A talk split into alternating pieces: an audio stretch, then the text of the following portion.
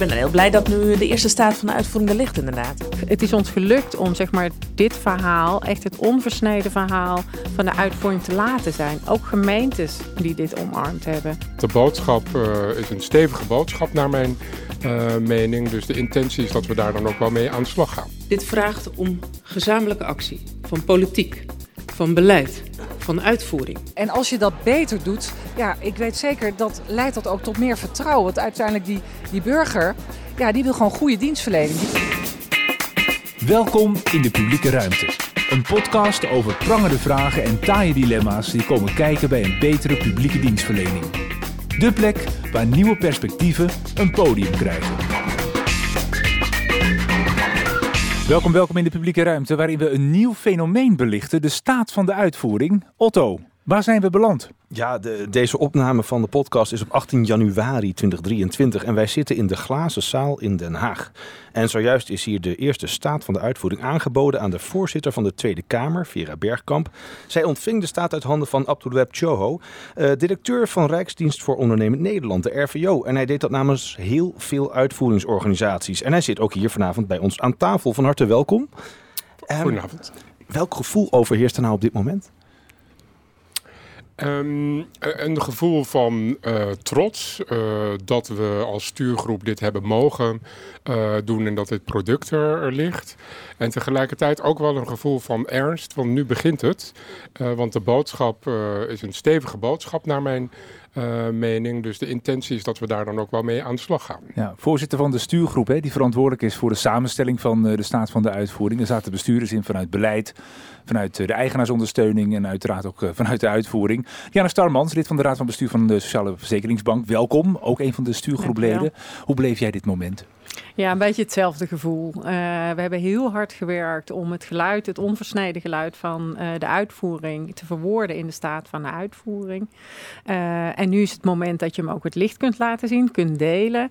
Maar we hebben ook iets te doen met elkaar en dat begint vandaag. Ah, ja, ja en, en, iemand die dat misschien al langer bepleit, die zit ook aan tafel. Het is bijna, bijna een stamgast aan het worden van de publieke ruimte. Voormalig VVD-Kamerlid en vanuit zijn rol als voorzitter van de Tijdelijke Commissie Uitvoeringsorganisaties, de TCU, ook aangeschoven. André Bosman, welkom. Ja. Dank. Ja, um, nou ja, volgens mij komt die staat dan zo'n beetje alle aanbevelingen van de TCU tegemoet. Uh, heb je dat ook zo beluisterd en beleefd? Of, uh, heb... Nou, tegemoet. Het is een belangrijke stap weer naar um, verbetering voor kennis van de uitvoering. Uh, zowel voor de politiek als voor de uitvoerders zelf. Hè, want ik vond het mooi. Dit is een verhaal van de uitvoering over de uitvoering. voor het eerst zonder ministeriële in, inmenging. Dat, en dat vond ik wel een hele mooie. Um, het volwassen worden van de uitvoering zelf. Ik, vind het, ik ben er ontzettend trots op en mooi om te zien. We gaan het de komende 45 minuten, 30, 45 minuten terugkijken op het proces. Hè. Hoe is de staat tot stand gekomen? Uh, uiteraard reflecteren we ook op de inhoud met de mensen die hier aanwezig zijn. Uh, bij de aanbieding van de eerste staat van de uitvoering. Ja, en hoe moet dat vervolgproces eruit uh, zien? Om even, even een rondje te maken. Als je gewoon een cijfer nu geeft aan de uitvoering. Na, naar aanleiding van deze staat van de uitvoering. Wat voor cijfer zou je er dan op willen zetten? Is het tussen 0 en 10? Gewoon even qua staat. Hoe is de staat eigenlijk? Is het een onvoldoende nu? Of is dat een 6 of een 7? Hoe, hoe staat dat? Ja, ik vind het, het is een beetje misschien een flauw antwoord, maar eigenlijk een onmogelijke vraag. Want de uitvoering bestaat niet. Hè. Het is niet één uh, geheel. Het zijn heel veel uh, organisaties. Uh, en die ieder ook weer met een eigen opgave werken. Dus om daar iets generieks over te zeggen, vind ik heel moeilijk. Ah, en, en, en, maar ja. om je toch te ja. willen te zijn, vind ik wel dat dat een ruime voldoende is. omdat ook als we gewoon kijken naar hoe burgers en ondernemers ook ons waarderen, dan is dat gemiddeld gezien best redelijk hoog. Het gaat juist heel vaak over wat voor cijfer mensen ons geven die wat vaker van de overheid nodig hebben of van meerdere overheidsorganisaties. Ja. Waar wat ons betreft meer aandacht voor zijn. Ja, laten we niet vergeten, er gaat ook veel goed. Nou, fijn dat je het zegt, want dat is ook wel een belangrijke boodschap. Ja, we zitten hier met er is echt iets te doen, uh, maar laten we niet vergeten dat er ook echt gewoon heel veel, uh, iedere dag uh, heel, goed, heel goed gaat. Ja, is dat ook hoe jij het ervaart, Diana? Ja, ik denk dat de, de, de zorg die we hebben en die we ook in de staat van de uitvoering hebben laten zien, zit hem juist in die toekomstbestendigheid van onze dienstverlening. Dus ja, er gaat ontzettend veel goed. Er zijn duizenden studenten die iedere maand netjes hun studiefinanciering krijgen, mensen die hun kinderbijslag en hun AW krijgen, ondernemers ondernemers die geholpen worden door de Kamer van Koophandel, de RVO, et cetera. Dat gaat heel veel goed. En tegelijkertijd willen we kijken naar daar waar het niet goed gaat. En vooruitkijken naar kunnen we dit ook toekomstbestendig blijven doen. Ja. Ja, dat toekomstbestendig, dat, dat, dat werpt ook meteen eventjes een blik op een tijdlijn. Want uh, jij, jij begon uh, in jouw speech uh, bij de aanbieding vandaag nam je ons mee naar het, het stripboek van Asterix, waarin het formulier A38 uh, in het huis dat gek maakt voorbij kwam. Kortom, je schetste eigenlijk al een, een, een vroege oudheid waarin een overheid waar we niet op zitten te wachten klaarblijkelijk bestond. en je gaf vandaar het ook eigenlijk aan van oké, hoe komen we vandaar naar waar we nu zijn? En als je nu constateert hoe zijn we hier terechtgekomen, hoe, hoe, hoe gaan we een eerste stap zetten? Um, als je aan dat verhaal refereert, hè, waar zeg je dan nou op basis van die staat, hier zit eigenlijk wijsheid die ook echt nieuw en onderscheidend is? Um, nou, ik denk dat we een aantal uh, dingen benoemen die we ook in een oproep en zelfs ook in een aanbod hebben, uh, hebben vervat. Uh, wat één daarvan die ik heel belangrijk vind, is dat we ook meer moeten nadenken over wat de middellange en lange termijn opgaven zijn. Want ja, we hebben nu heel veel maatschappelijke opgaven waar we aan moeten werken, maar er komen er nog meer op ons af. En meer naar die trends en die dilemma's uh, kijken en dat samen politiek beleid en uitvoering analyses op doen, zorgt ervoor dat we beter voorbereid uh, zijn op wanneer die problemen uh, ook daadwerkelijk zich zo groot manifesteren dat we er echt mee aan de slag moeten. Nou, dat is een van de vijf ehm, oproepen, aanbiedingen die wij in deze staat doen, waarvan wij zeggen, ga daar nou mee aan de slag, samen met ons. Uh, en zorg op die manier ook dat de toekomstbestendigheid uh, nou, wat zekerder, uh, wat zekerder ja. wordt. Het is uniek hè, dat er zoveel uitvoeringsorganisaties één boodschap neerleggen. Was het lastig om met z'n allen tot één boodschap te komen, Diana? Was het, was het gewoon nou, duidelijk klaar? Hebben jullie ruzie gemaakt, zegt hij eigenlijk. Ja. Ja, dan moet ik natuurlijk uit school gaan klappen. Hè? Ja. Nee, kijk, wat je ziet is de uitvoering is natuurlijk een heel divers landschap van organisaties. Het maakt nog wel uit of je voor ondernemers werkt, voor instellingen of voor burgers. Het maakt nog wel uit of je geld betaalt aan burgers of geld moet innen aan burgers, om, om, om maar een paar voorbeelden te noemen. Uh, uh, organisaties als de douane, die weer een heel andere rol en taak hebben. Dus om daar tot een gedeeld beeld te komen, dat zit natuurlijk ook al in het woord. Zijn we nou uitvoerders? Zijn we publieke dienstverleners? Wat zijn wij nu eigenlijk? En ik denk de reis die we daarin gemaakt hebben wel een hele mooie reis is. Want het heeft wel verbonden uh, uh, met elkaar. Uh, en we hebben natuurlijk, we zijn, het is ons gelukt om zeg maar dit verhaal, echt het onversneden verhaal van de uitvoering te laten zijn. Ook gemeentes die dit omarmd hebben. En dat vind ik echt wel heel erg mooi dat we zover zijn gekomen, ondanks de diversiteit die Ja. er is. Ondanks de veelheid aan organisaties toch het eigen legt. Ja, en, dan, uh, en dat maakt ook, laat ik dan ook even op, om een stukje inhoud in te gaan. Hè, en een van de belangrijke boodschappen erin is: kom nou tot uh, complexiteitsreductie. Ook dat woord hebben we met elkaar geduid. En daar waar het voor de een is de complexiteit in wet en regelgeving terugdringen, is dat voor een ander veel meer de stapeling. Uh, uh, uh, verminderen. Of zorgen dat je IT op orde komt, zodat je je dienstverlening kunt blijven uitvoeren. Dus complexiteitsreductie is, zit er in verschillende verschijningsvormen, vormen, waar we met elkaar, zoals we ze nu met elkaar omarmd hebben. Het staat brengt uh, drie zaken samen. Hè? Oproepen aan de politiek, knelpunten, rode draden uit uh, de individuele standen van de uitvoering en bevindingen. Een trendmatig beeld. Die zijn uh, gedaan tijdens een groot aantal onderzoeken die in het kader zijn, van de staat zijn gedaan. En dat trendmatige beeld dient dan weer als onderbouwing voor de oproepen aan de politiek. En die geeft ook weer inzicht hoe die knelpunten zijn ontstaan. En ja, er werden al wat dingen over en weer gezegd, hè, Otto? hoorden we voorbij komen? Ja, zeker. Want ik kan me voorstellen dat de luisteraar nu denkt, nou kom maar even door met die inhoud. Want fijn dat we goed hebben samen samengewerkt en dat, dat we hè, elkaar hebben gevonden. Dat, dat hoort ook zo, zeker bij zo'n presentatie. En we gaan er nog wel snel aan voorbij. En het is echt wel een, een, een majeure opgave om dat te doen. Maar laten we eens even naar die, naar die inhoud kijken. Uh, onder meer gaat het over die kloof tussen de overheid en de burger. Nou, ook in de media wordt dat regelmatig uh, besproken. Uh, vertrouwenskwestie, hè, waarin we toch niet altijd even goed scoren. Maar laten we eens kijken naar het trendmatige beeld. Er zit herkenbare inzicht in. Hè. Er is groeiende ontevredenheid, een grotere kloof tussen burgers en politiek. En aan de andere kant lijkt het beeld dat burgers en ondernemers van de overheid hebben op het eerste oog eigenlijk best wel positief. De waardering ligt gemiddeld rond een 7. Maar is dat nou dan ook reden om, om heel tevreden te zijn uh, met een 7? Of uh, ik geloof dat de boodschap die ik erin gelezen heb was van ja, je moet niet naar het gemiddelde kijken. Je moet kijken naar, naar de flanken, wat daar misgaat en daar oog voor hebben. Abdelweb, hoe, hoe moeten we dat uh, uitleggen? Ja, omdat, laat ik zeggen, ik heb heel weinig te maken met ik werk bij de overheid, maar ik heb heel weinig te maken met de overheid. Dus ik ben best tevreden over wanneer ik mijn belastingaangifte doe, uh, ja, hoe dat verder zeg maar wordt afgehandeld. maar iemand die in een gezin woont waar meerdere uitdagingen spelen, laat ik het zo noemen, of meerdere hulp van de overheid nodig is, en dus het, dat contact met die overheid intensiever is en vaker is en ook nog eens met verschillende instanties. Ja, het is natuurlijk veel interessanter om de score van dat gezin mee te wegen. Om op te kunnen sturen als uitvoeringsorganisatie wat je beter kunt doen. Dan dat je zeg maar mijn cijfer gaat wegen ja. op hoe je je organisatie beter, beter in, in, zou kunnen richten. Dat is wat we daarmee bedoelen, is om juist naar die groepen te kijken die veel, uh, van, om welke reden dan ook, uh, met de overheid te maken hebben. En, en daarop te gaan sturen. Ja, een van die rode draden die ook terugkomt uh, uit de verschillende standen is de spanning tussen een gestandaardiseerde aanpak en maatwerk. Hè? helpt maatwerk nou juist een kloof verkleinen of niet? Wat denk jij, André? Ja, de discussie over maatwerk is altijd spannend. Hè? wat wij in ons rapport hebben gezegd, er gaat heel veel goed. en de, daar waar het goed gaat, is, vaak een hele grote groep. Um, en wat je niet moet doen, is het maatwerk van dat kleine deel wat maatwerk nodig heeft, proppen in die grote groep die eigenlijk bediend is met eenvoudige regelgeving. We maken de regelgeving complexer door die, uh, de maatwerkoplossingen als regel te maken binnen de grote groep. En eigenlijk, en dat zei Arend Jan Kruiter, een soort schizofrenie van uh, aan de ene kant minder regels voor de hele grote groep die gewoon bediend is, exact met uh, je belastingaangifte.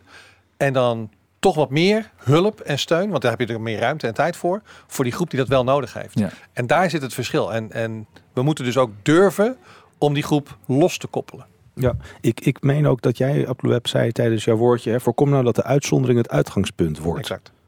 Ja, dus, dus ik ben directeur van RVO en uh, wij, wij, helpen ondernemers en dat zijn hele grote aantallen ondernemers. Um, en dat, kunnen, dat werk kunnen wij alleen maar doen als de groep uh, zeg maar groot is, zodat we dat ook geautomatiseerd uh, kunnen doen. Maar dat is geen handwerk en dat kan, en dat kan ook niet. En hoe kleiner de groep wordt die we geautomatiseerd kunnen doen, nou, en dus daarmee uh, hoe groter de groep wordt waar maatwerk voor nodig is, uh, ja, des te, des te complexer het voor ons wordt om ook juist voor die, laat ik zeggen, standaardgroep te zorgen dat die ook hun geld snel krijgen of het daar eenvoudiger wordt. Dus ik deel deze oproep helemaal.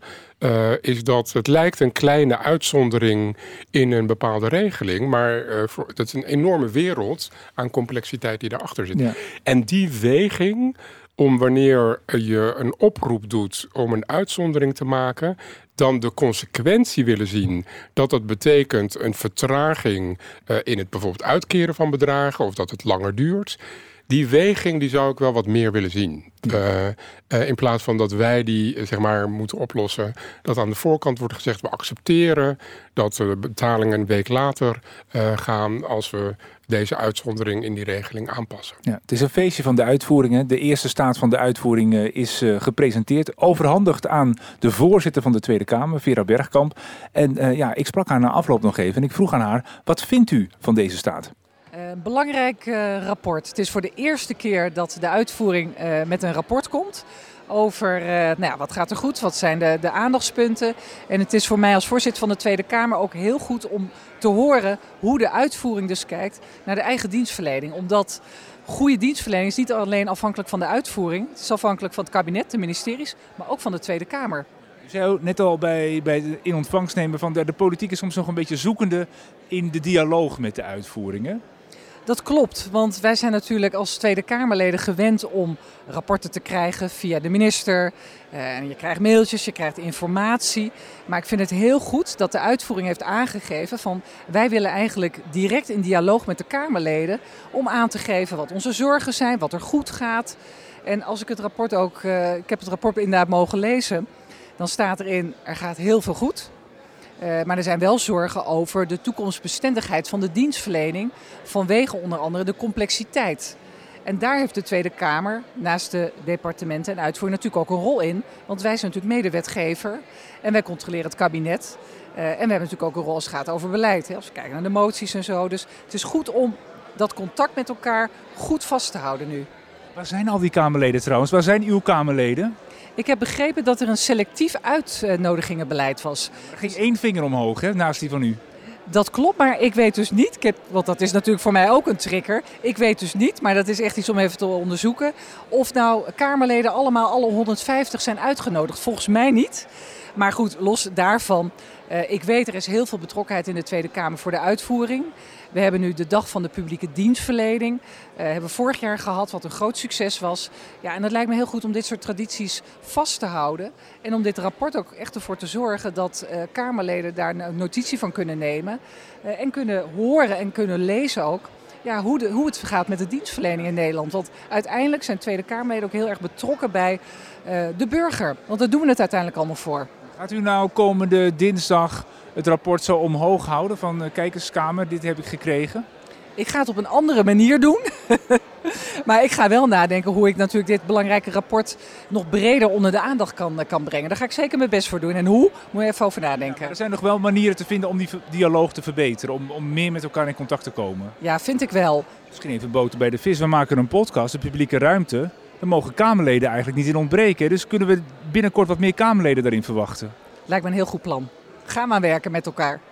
Tot slot, dit is een mooi rapport. Helpt dit nou ook om het vertrouwen in de politiek te versterken? Het vertrouwen in de overheid? Nou, uiteindelijk gaat het erom dat je uh, de dienstverlening daar waar het niet goed gaat. En we hebben ook net gehoord, veel gaat goed. Maar voor uh, een groep mensen uh, is het wel heel complex. En vooral als het gaat over meerdere wetten, meerdere loketten.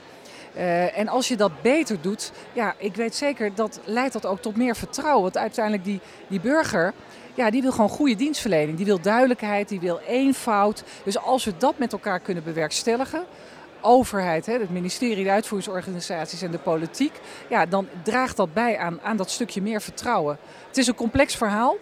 Ik heb wel geleerd van iemand die zei laatst tegen mij van ja, je moet je niet veel verdiepen in dat vertrouwen. Je moet aan de burger vragen wat ze verwachten en daarop inspelen. En dat vond ik eigenlijk wel heel mooi. Ja, um, we horen hier uh, de Kamervoorzitter en, en ze prijst eigenlijk het directe contact tussen uitvoering en politiek. Uh, Diana, jij, jij werkt bij de, de Sociale Verzekeringsbank. En ik weet in jullie stand van de uitvoering stond onder meer hè, dat, dat jullie constateren dat wetgeving niet meer aansluit bij de samenleving op de hedendaagse leefvormen. Boom. Ja. Nou, hoe werd daar dan op gereageerd? Ja. Uh, krijg je dan eigenlijk een soort cold shoulder of volgt er dan ook een feest van herkenning? Nou, dit is een heel mooi voorbeeld inderdaad. Uh, AOW, wet en regelgeving die gemaakt is eind jaren 50. Toen mensen netjes uh, 40, 50 jaar getrouwd waren in Nederland woonden. We hebben in Nederland het systeem dat de AOW gekoppeld is in de leefvorm. We hebben inmiddels niet meer één leefvorm. We hebben er meer dan twintig. Um, en in Nederland hebben we gelukkig nog een systeem dat we aardig registreren. We hebben net de BAP. Maar wij doen natuurlijk ook werk voor internationale klanten. Uh, en uh, ik kan je vertellen, in Spanje is dat echt anders georganiseerd dan in Nederland. En dat geldt voor een heleboel andere landen. Dus er zit een hoop complexiteit in die regelgeving waar we eigenlijk vanaf moeten. Ja. Uh, want we kunnen het niet uitleggen aan de burgers. het is lastig werken in de uitvoering. Nou, op het moment dat wij dit duidelijk maken, dan begint er wel wat te triggeren. Uh, en tegelijkertijd is het ook een majeure opgave om deze koppeling los te maken. En zie je dat de neiging van de politiek is dan toch wel kleine pleisters te plakken. Uh, dus we hebben bijvoorbeeld, en daar ben ik ook heel blij mee, de kostendelersnorm kunnen verhogen van 21 naar 27 jaar, zodat kinderen langer uh, in kunnen blijven wonen zonder dat dat consequenties heeft voor de AOW. Maar het is een pleister. Het is een fix die nu helpt. Maar eigenlijk moeten we naar die solve toe. Ja, precies. Dat zei je vaker. En ook dat lijkt ook een beetje op het verhaal wat ik net hoorde bij Up to the Web. He, fix, een korte termijn oplossing, vaak gerelateerd aan een incident. En de solve, de lange termijn, middellange termijn, lange termijn. Daar moet het over gaan en daar hoort het gesprek ook zich op te richten. Ja. Ja, politiek uh, aanwezig. De Kamervoorzitter uh, was er, maar ook de minister van Binnenlandse Zaken, Hanke Bruinslot. En zij had ook een belangrijke oproep. Dit vraagt om gezamenlijke actie van politiek, van beleid, van uitvoering. Daarvoor doet de staat de, van de uitvoering belangrijke aanbevelingen, zoals reductie van complexiteit, een betere uitwisseling van gegevens tussen publieke dienstverleners en het vanaf de start betrekken van uitvoeringsorganisaties bij de totstandkoming van beleid. Vooral gelijk erbij, ja, eh, André, dit klinkt je als muziek in de oren, dat u nu ook een minister van Binnenlandse Zaken eigenlijk één op één die aanbevelingen nog eens een keer uitspreekt. Ja, en ik, ik durf hem nog wel wat scherper te stellen. Want uh, in, in de discussies die ik voer van, joh, um, we moeten de uitvoering eerder betrekken, dan vraag ik altijd, wie is er dan op het idee gekomen om iets te veranderen? Als je nog niet met de uitvoering hebt gesproken. En dat is ook de discussie over van hoe, hoe vaak spreken Kamerleden met de uitvoering. Um, want dan weet je wat er speelt, dan weet je wat er gebeurt. Um, en dan eerder betrekken. Je moet je afvragen of iedere verandering nuttig en nodig is om te veranderen. En, en misschien is wat minder beleid beter. Ja. Of geen beleid beter. Korte reflectie nog even over het aantal aanwezige Kamerleden van jou, uh, André. Ja. Hoe uh, keek jij daarna vandaag bij de uitreiking van de eerste staat van de uitvoering ja. hier ja, in Den Haag?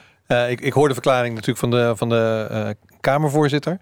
Um, maar het, het, is, het is wel symptomatisch. Uh, ook met werkbezoeken. Um, kijk, wij hadden het voordeel als VVD een, een grote fractie. Um, maar als wij mensen uitnodigen, ook met ronde tafels, dan is het nog wel eens stil. En dan, dan, dat is wel teleurstellend. Terwijl dat de essentie moet zijn van het Kamerwerk. het contact met mensen die daadwerkelijk bezig zijn met Nederland beter te maken. Uh, en dan is het goed om geïnformeerd te zijn over uh, wat gebeurt er. En zeker ten aanzien van wetgeving die je als Kamerlid gaat maken. Of ja. een motie die je even op een achternaamiddag indient. Of een abonnement, nog wel erger, even er doorheen jast. Op, mijn broer heeft bij het UWV gewerkt. En die zei letterlijk tegen mij, wat jullie doen is crimineel. als je in december nog even een abonnement er doorheen jast... wat in januari uitgevoerd moet worden... door een organisatie die zo al in de fik staat... misschien moet je even nadenken wat je aan het doen bent. Ja. Het was vast een hele kerstdiner, dat gesprek. ik kan heel goed met mijn broer. Nou, Absoluut, gelukkig. Ja. ja. En die houdt van duidelijkheid. Uit de trends in de Staten, die valt ook op te maken dat er nog best wel wat stappen te zijn uh, op uh, IT-gebied. Ik citeer even, een toekomstbestendige IT vraagt om een fundamenteel andere aanpak. De digitaliseringsagenda moet werken volgens het adagium eerst organiseren, dan informatiseren en dan pas automatiseren. Die, de digitale agenda, waarin het uh, vooral gaat over de digitale infrastructuur, komt te vroeg. Is dat zo? Ja, het staat, het staat, ja, niet voor niets in, de, in, de, in, staat. Ja, heel vaak wordt uh, de oplossing uh, voor een vraagstuk gezocht aan het eind. Uh, terwijl de oproep hier is, uh, het gaat echt over dat je het eerst zeg maar, moet organiseren. en goed moet organiseren. zodat je dan ook dat, daarna eenvoudige en ook goed werkende IT krijgt. Terwijl nu heel vaak huidige complexiteit uh, de opdracht is om huidige complexiteit in een IT-systeem te gieten, ja, dan, dan weet je eigenlijk al bij voorbaat uh, dat dat een heel complex IT-landschap gaat worden, of dat überhaupt het niet goed werkend te, krijgen, te krijgen is. Dus inderdaad echt eerst organiseren voordat je überhaupt zeg maar naar het IT. Uh, vraagstuk uh, kijkt. Ja. Daarnaast uh, is onze oproep ook, er is heel veel ook oude IT in, in Den Haag. Uh, en dat moet ook wel worden opgeruimd. Hè. Dus uh, het is een soort dubbele boodschap uh, rondom het hele IT en ook daarnaast het datavraagstuk.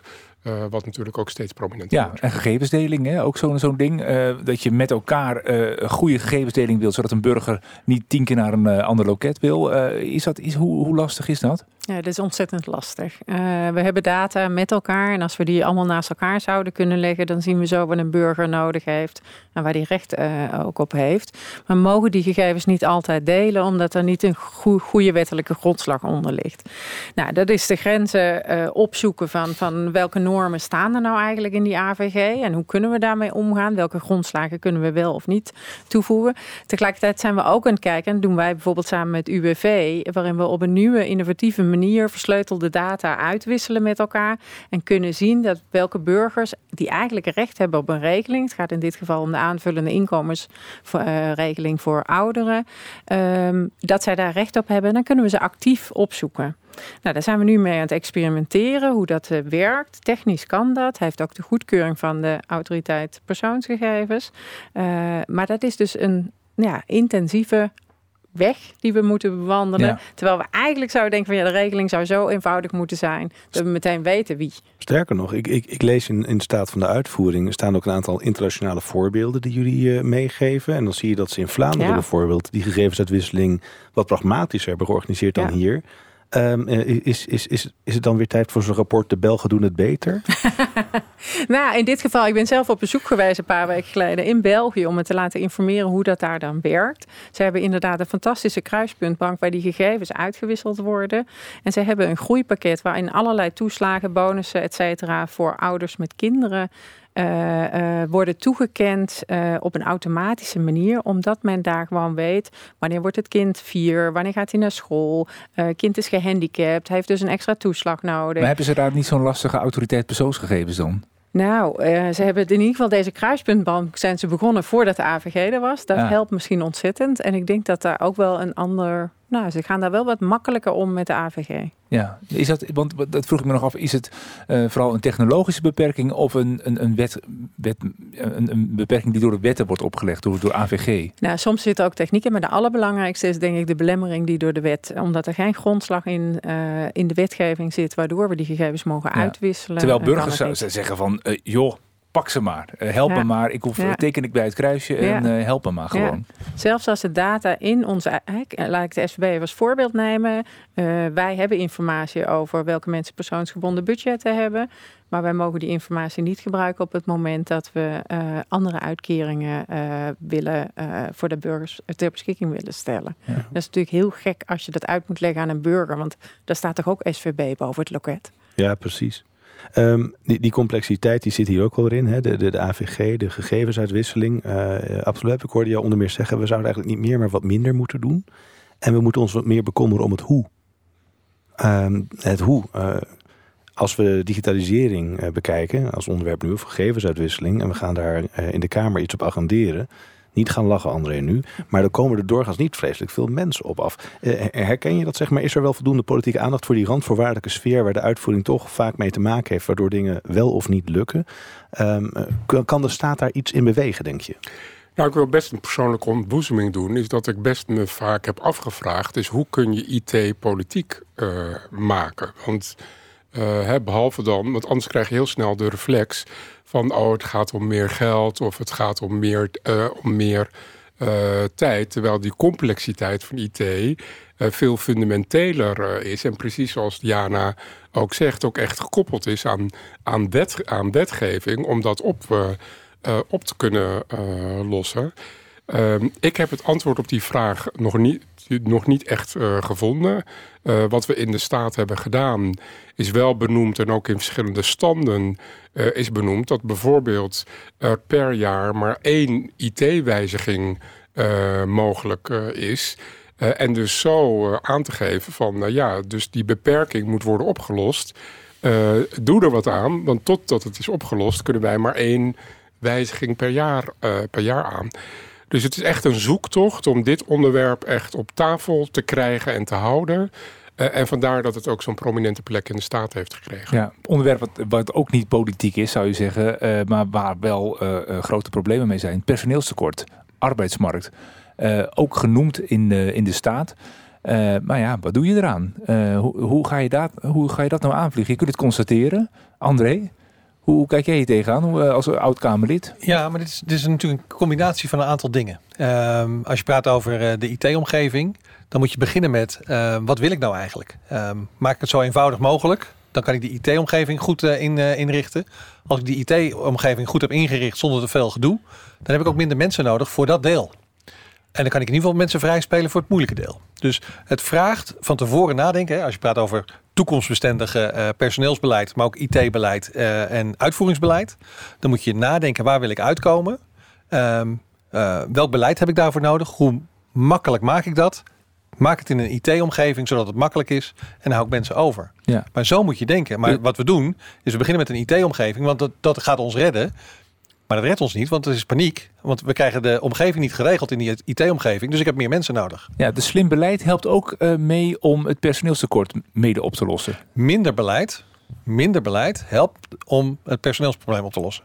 Ja, en Maar- ik denk ook minder Ja? complex beleid. Exact. Want we zijn nu, eh, onze professionals in de uitvoering zijn bezig met gewoon het beleid uitleggen, wet en regelgeving uitleggen. We hebben coaches nodig om burgers te helpen om door het overheidslandschap heen eh, te gaan. Ja, dan zijn we toch echt, denk ik, eh zonde van onze capaciteit om dat daarop Exact. in te zetten. Want Nou. we hebben ze ook heel hard nodig op straat, in de klas, in de zorg. En Ja. niet altijd in de administratieve processen. Ik zou nog één ding willen toevoegen, hè, want dat arbeidsmarktvraagstuk, dat blijft nog wel even bij ons. Hè. Dus tot en met 2040 wordt gezegd, zal die krapte alleen maar erger eh, eh, worden. En ik koppel IT en arbeidsmarkt ook heel vaak aan elkaar, omdat ik geloof dat eh, we ook moeten kijken naar hoe we die beperkingen van de krappe arbeidsmarkt kunnen oplossen met IT. Eh, door juist meer met IT eh, te kunnen doen. En dan is weer belangrijk, waar we het net over hadden, dat die IT goed georganiseerd is, goed functioneert. Want anders gaat ook die problematiek zich stapelen. En daarom zeggen we de toekomstbestendigheid is in gevaar. Want als dat zich gaat stapelen, ja, dan kunnen we niet maar één wijziging per jaar eh, doen, maar één wijziging per vijf jaar eh, doen. De staat van de uitvoering. Je kunt er uren over doorpraten. En eh, ja, het is zeer, lezenswaardig om alles op een rijtje te zetten. Heeft zeker ook, of gaat zeker ook doen, eh Caroline Schouten, de minister van Werk en Uitvoering, onder andere, armoedebeleid. Ook zij was aanwezig bij de uitreiking van de eerste staat van de uitvoering. En ik vroeg haar, bent u blij met deze staat? Ik ben dan heel blij dat nu de eerste staat van de uitvoering er ligt, inderdaad. En juist ook omdat het een, eh, een, een staat is van de uitvoering. Dus dat zij zelf ook hebben opgeschreven hoe zij vinden dat het gaat. Normaal doen wij dat als ministers natuurlijk altijd. Eh, Maar dit is echt het echte directe verhaal van de uitvoerder zelf, ja. Zat er nog een groot moment in van waarvan u dacht, nou, oh, daar ben ik wel even van geschrokken. Nou, ik vond, hem, ik vond de, de, de analyse best scherp. En eh, dat, nou, daar moest ik ook echt wel even goed. Eh, ik dacht van ja, dit wordt ook gewoon tegen mij gezegd als minister. Eh, natuurlijk is het niet alleen dat je als minister het beleid maakt. Dat doe je natuurlijk ook met de Tweede Kamer en met alle andere partijen. Eh, maar de complexiteit van wet en regelgeving, waar mensen ook vaak door vermalen worden. Eh een van de zaken die we juist ook heel graag willen aanpakken. En dat eh, juist de uitvoerders zelf zeggen van nou, daar is nog wel wat werk aan de winkel. eh, want dat gaat nog niet allemaal.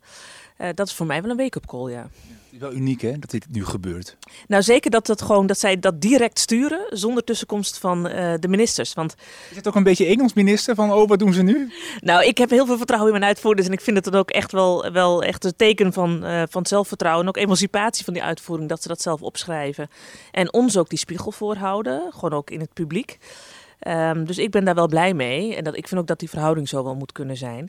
Maar het is niet gebruikelijk. Het is normaal zo dat je natuurlijk dat eerst allemaal netjes aan de minister rapporteert. En dat de minister dan eerst gaat zeggen... Nou, Nou, de pen er doorheen. wel goed, niet goed. En, eh, en dan kunnen we dat ook nog een beetje nuanceren of toelichten. En nu is gewoon keihard het verhaal van... dit is gewoon hoe de uitvoerders zelf hun werk ervaren. Komt nog wel een kabinetsreactie. Absoluut. Eh, dat ga ik samen met eh, minister Bruin Slot doen. Zij is degene die ook als, als eerste die brief schrijft. Maar dat doen we ook samen namens het hele kabinet. Dus dit is niet alleen een boodschap die aan ons twee is gericht. Maar echt wel aan het hele kabinet. En dat voelen we ook wel als een opdracht. Om dat aan al de collega's in de ministerraad ook wel duidelijk te maken. En ook dat er actie op moet volgen. Ja, stapelt je kopietjes mee voor komende vrijdag? Ik zal eens even kijken hoe we dat eh, handig kunnen gaan doen. Maar ik wil niet alleen dat ze het kopietje krijgen. Ik wil vooral dat ze de actie gaan doen. En, en daar zullen we vooral het gesprek over gaan voeren. Wat betekent dit nou concreet voor wat je zelf in je eigen ministerie gaat doen? Minister Carola Schouten over eh, de staat van eh, de uitvoering. Eh, Ja, dan gaan we eens even kijken, van ja, wat gaat er nu mee gebeuren? Het kabinet die gaat er eh, over praten, komt toch een kabinetsreactie. Paul de Hart, bestuurskundige, die was ook aanwezig vanavond bij de uitreiking van de staat. En die had nog wel een kritische noot. Ik vind het echt een hartstikke goed rapport. Ik vind het ook echt heel bijzonder het hele proces wat eraan vooraf is gegaan. Maar dit is het geluid van de uitvoering over de uitvoering. En sociaal-psychologisch gezien moet je ook enorm uitkijken als je uiteindelijk het doel is het wij eh, in, die, in die door jou geconstrueerde driehoek te maken.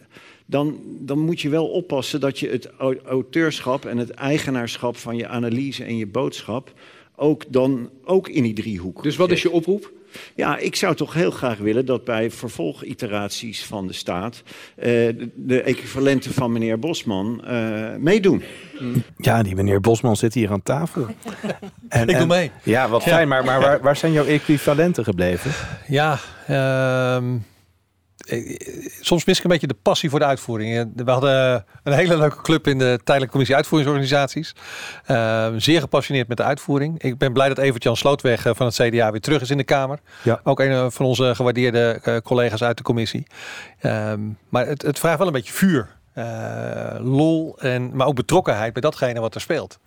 Ehm, en, en ja, ik weet het niet. Ik, ik, ik kan niet in hun hoofden kijken, maar ik kan ze van harte aanraden om uh, betrokken te zijn bij de club uh, van de uitvoering. Ja, precies. Want, want deze staat van de uitvoering is in feite een uitgestoken hand. Uh, zo, zo kunnen we het zien, toch? Ook richting politiek om daar in hun rol te kiezen? Uiteraard, hè. de essentie van deze staat is dat we samen met de politiek en de departementen uh, willen werken om die, nou, die maatschappelijke opgave uh, aan te pakken. Uh, overigens wil ik wel één nuance op het verhaal aanbrengen, dat in de vorming van de staat hebben we niet alleen naar uitvoeringsorganisaties gekeken en uitvoeringsmensen gesproken, maar wel degelijk ook met heel veel departementen en verantwoordelijke, verantwoordelijken op die departementen gesproken. Dus ook dat is zeg maar onderdeel geweest van de vorming, uh, van, de, vorming van de ja. staat. En, en nu is het hopelijk ook dat gesprek met de politiek uh, aangaan. Wat is de belangrijkste handschoen die de uitvoering zelf moet oppakken, naar aanleiding van deze staat? Nou, dat, wij ook zelf aan zet zijn om die verantwoordelijkheid te dragen, om ook onze eigen complexiteit uh, te reduceren. Hè. Daar kunnen we ook zelf wel degelijk een bijdrage aan doen. Die relatie met het departement en de politiek ook actief op te zoeken. Bijvoorbeeld door middel van het maken van een stand en daar of knelpunten, brieven en zo het gesprek uh, aan, te, aan te gaan. Regie te voeren op uh, hoe dat vervolg moet krijgen. Dus het is echt niet zo dat we zeggen van nou het is nu een andere. We hebben wel degelijk ook zelf een rol om dit, uh, nou, om er hier vervolg aan te geven. Ja, André? Ja, wat ik belangrijk vind is dat het, we hebben het altijd over die driehoek. En dat mensen en, en organisaties in die driehoek, die zijn gelijkwaardig. En volgens mij is dat de volwassenheid in deze organisatie, waarbij je zegt, ja maar wacht even, ook ik heb een oordeel en een mening die ertoe doet. En die ook gewogen moet worden in die driehoek. Dat zijn allemaal verschillende belangen, maar die moet ook gewogen worden. En dat is, um, en dat vind ik mooi. Jullie hebben zelf de staat van de uitvoering geschreven. Um, dus jullie verantwoordelijkheid. En wat je ook zei in je, in je verhaal. Soms zeggen we ook nee. Of soms zeggen we niet nu. Of op een ander moment. Of misschien moet het anders. Maar op die volwassenheid, die professionaliteit, dat vind ik heel mooi en dat is, dat is essentieel. Ja, Diana? Ja, wat ik daar nog op wil aanvullen, ik vind het heel goed, André, wat je zegt, de gelijkwaardigheid in die driehoek. Dat vinden we echt heel belangrijk. En wat daar in het midden staat, is die burger en ja. die ondernemer. Het perspectief van die burger en die ondernemer, dat moet voorop staan. Dat is waar we het gesprek over voeren. Ja, en ik ben wel benieuwd, gaat die burger of ondernemer ook de staat lezen van 50 pagina's? Um, uh, hoe nu verder? Want het, het ligt er nu. We gaan het elk jaar doen. Er, komen monitors, er komen, komen onderzoeken bij. Um, dus dus wat, wat is de volgende stap? Uh, we zijn richting 2024, richting 2025. Wat denk jij, uh, Diana? Ja, kijk, wat dit vraagt is, is de trialoog waar we het nu al even over hebben. Die driehoek in gesprek laten gaan. Het perspectief van de burger voorop zetten. en wat daarvoor nodig is, is kijken van waar zit dan die complexiteit en hoe kunnen we hem afbreken? Hoe kunnen we hem minder maken? En dat gaat stap voor stap. En daar zijn we ook wel hè, voorbeelden in. Maar het gaat erom om fundamenteel te kijken naar hoe kunnen we nou gezamenlijk dat uh, overheidsdienstverlening eenvoudig maken voor de burger en voor de ondernemer. Ja. En laten we die successen ook vieren met elkaar. Op Delaweb is inmiddels uh, naar een, uh, een interview voor een, een, een, Radio 1 volgens mij. Dus het, ja. het, het, het, verhaal van de staat wordt al gauw verder gebracht. Dus dat is alleen maar heel goed nieuws. dit is een, een document van 50 pagina's. Uh, Diana, hoe, dik is de volgende staat? Ik hoop dat die dunner is en dat we daar in die staat ook kunnen uh, zeggen van... en dit hebben we nu bereikt met elkaar. Hier hebben we al stappen in gezet en hier hebben we nog iets te doen. En ik hoop dat die urgentie die in deze staat van de uitvoering staat... die er straks ook nog zal zijn, die krapt op die arbeidsmarkt... dat we desondanks met elkaar kunnen zeggen van... hier hebben we het simpeler gemaakt, hier hebben we het eenvoudiger gemaakt... Uh, waardoor die dienstverlening, die kwaliteit van die dienstverlening nog meer omhoog gaat.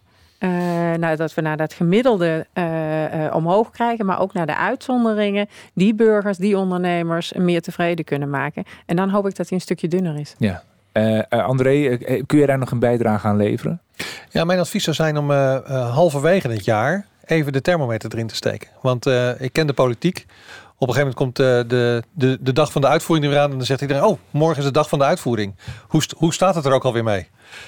Doe het op een half jaar Uh, steek je vinger omhoog, zeg hoe staat het ermee? Uh, en dan kijken of iemand uh, wakker schrikt. Ja, dus dan gaan we toch die podcast maken in de, in, in, in de aanloop naar de dag van de publieke dienstverlening. Veel die gesprekken voeren, dialoog voeren. Kamerleden zijn mij al toegezegd door Vera Bergkamp, Otto. ja, nee. Dus, dit, dit, kan niet meer misgaan. Denk, ik, ook. Nee. En André, jou hoop ik dan ook nog te Anders spreken. Je mij. En Diana. Ja, ja. zeker. Ja, het fijne is natuurlijk wel dat er na het rapport van de TCU met de staat van de uitvoering een, een volwaardige opvolger ligt. Hè, waarin geappelleerd wordt vanuit de uitvoering aan soortgelijke onderwerpen. Dus uh, het is niet van tafel, sterker nog, het is er prominent op. En we kunnen er niet omheen. Hè. De oproep is duidelijk geplaatst en ieder is aan boord. In ieder geval, zo hebben we het vandaag mogen beluisteren. Dus uh, ja, vol goede moed uh, het nieuwe jaar in. ja, ik denk het wel. En het, het, is een momentje. Ik heb nu in mijn handen. De eerste staat van de uitvoering. eentje om te koesteren volgens mij. Zo is het. Dit was de Publieke Ruimte. Een podcast over publieke dienstverlening. Een initiatief van werk aan uitvoering. Naast mij zit Martijn Grimius, mijn naam is Otto Tors. Met dank aan onze gasten Diana Starmans, Abdulweb Choho, André Bosman en iedereen die reageerde op deze eerste staat van de uitvoering. Vond je dit een interessant verhaal? Deel dan deze podcast met je collega's via social media of geef een reactie in de comments. Abonneer je op ons kanaal, dan krijg je vanzelf de nieuwe aflevering in je favoriete speler aangeboden. Graag tot de volgende keer. Tot de volgende keer.